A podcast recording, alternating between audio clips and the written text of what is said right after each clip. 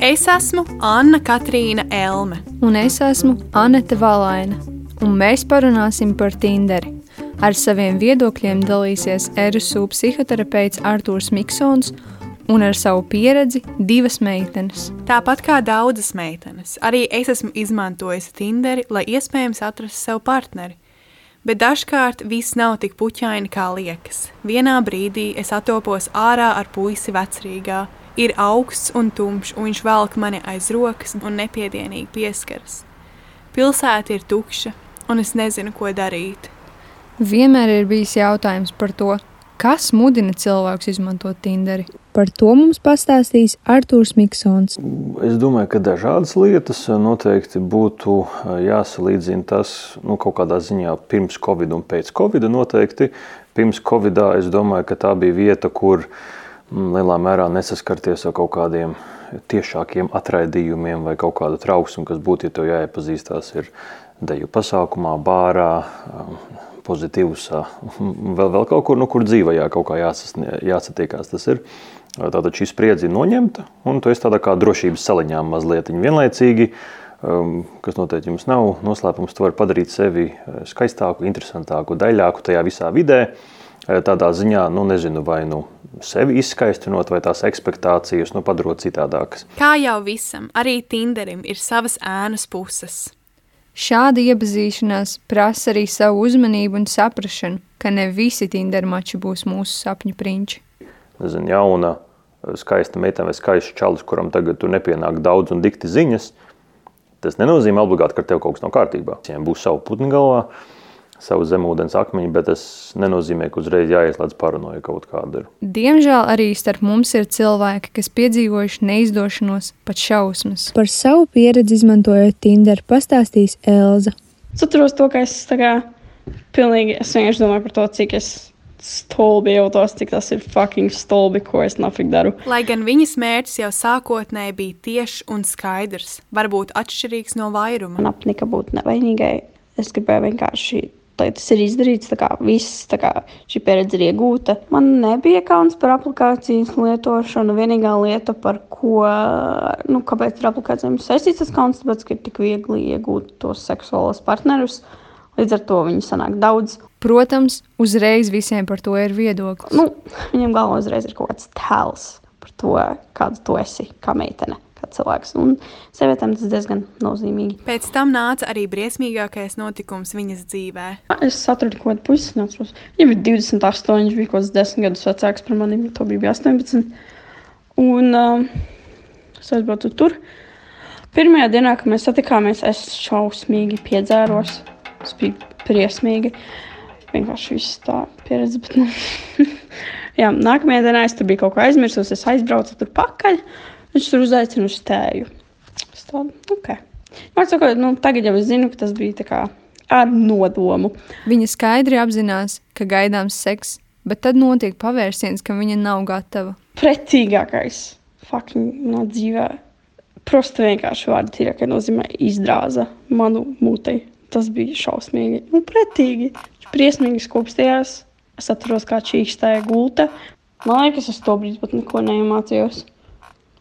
Jā, tajā brīdī es neko, es neko, tas bija, nu, es tā īsti neizprocesēju to. Ar laiku viņa sāk mainīt savus uzskats par iepazīšanos internetā. Viņai sāk šķist, ka pārguļot ar kādu, viņa atdod arī daļu no sevis. Tevi sāk mainot par to, nu, tāpēc, ka tas ir slikti, ja tu vispār gulēsi daudz cilvēkiem, vai ne?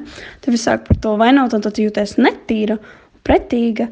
Un, un, un tā ir kā tev nebūtu nekādas nozīmes, un tu esi vienkārši tāda mm, vienkārši mantiņa rotaļlieta. Daudzi cilvēki, vīrieši, uz tevi tā skatās, jo viņi tev neuzskatīs par cilvēku.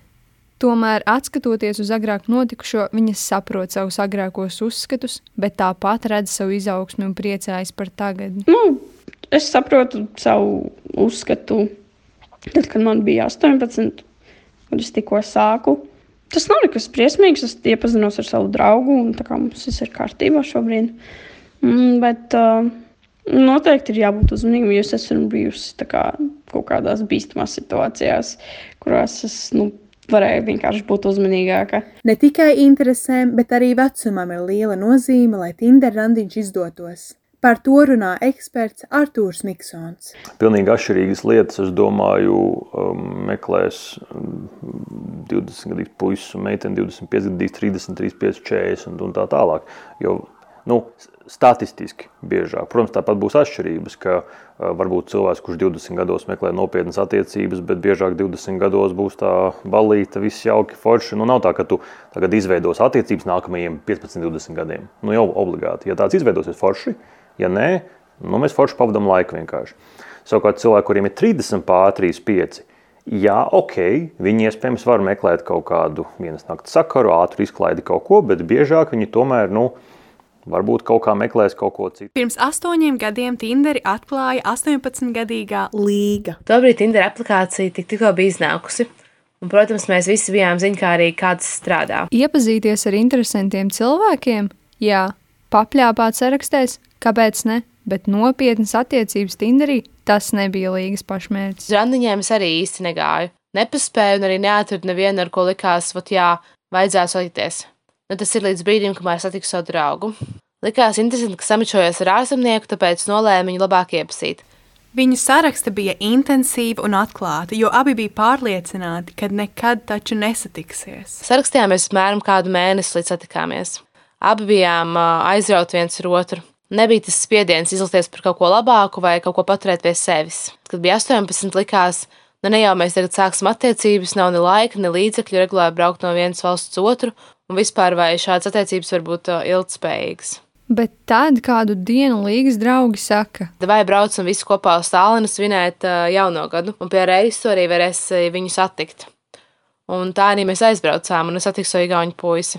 Pēc tik ilgas sarakstīšanās liekas, ka satikšanās būs viegla un jau iemīļoties sarunu temati neizsīks, bet... Pirmais randiņš bija diezgan neveikls īpaši sākumā. Kā jau tas bieži notiek, piezogas šaubas. Jo ir tas spiediens, jo liekas, jā, ok, sarakstoties bija tas eh, klikšķis, bet ja nu dzīvē nav tā ķīmija, ja nu nav tā interese, tomēr šāda veida attiecības prasa lielu ieguldījumu.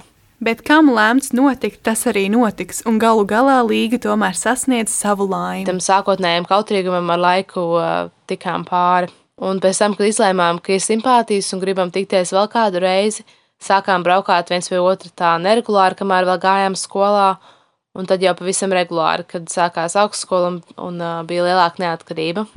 Kopumā esmu Tinderim ļoti pateicīga. Uh, kopā esam jau vairāk nekā septiņus gadus. Pēdējos divus arī dzīvojam kopā. Dažkārt atskatoties šķiet, ka tiešām kaut kā paveicās, jo, ja nebūtu Tinder, mēs abi noteikti nekad nebūtu tikušies. Ko mēs varam no tā mācīties? Vienīgi to, ka katra pieredze ir citāda. No pieredzēm un kļūdām var mācīties, bet nekad nevar zināt, varbūt tev arī uzspīdēs veiksme kā līgai. Galvenais ir apzināties savas robežas un zināt savas vēlmes. Saglabā atvērtu prātu, un tev viss izdosies. Un kādu dienu tev būs partneris kā Misters Dārsīs, kurš tev teiks šos brīnišķīgos vārdus. But the thing is, um, what I'm trying to say very inarticulately is I like you very much, just as you are.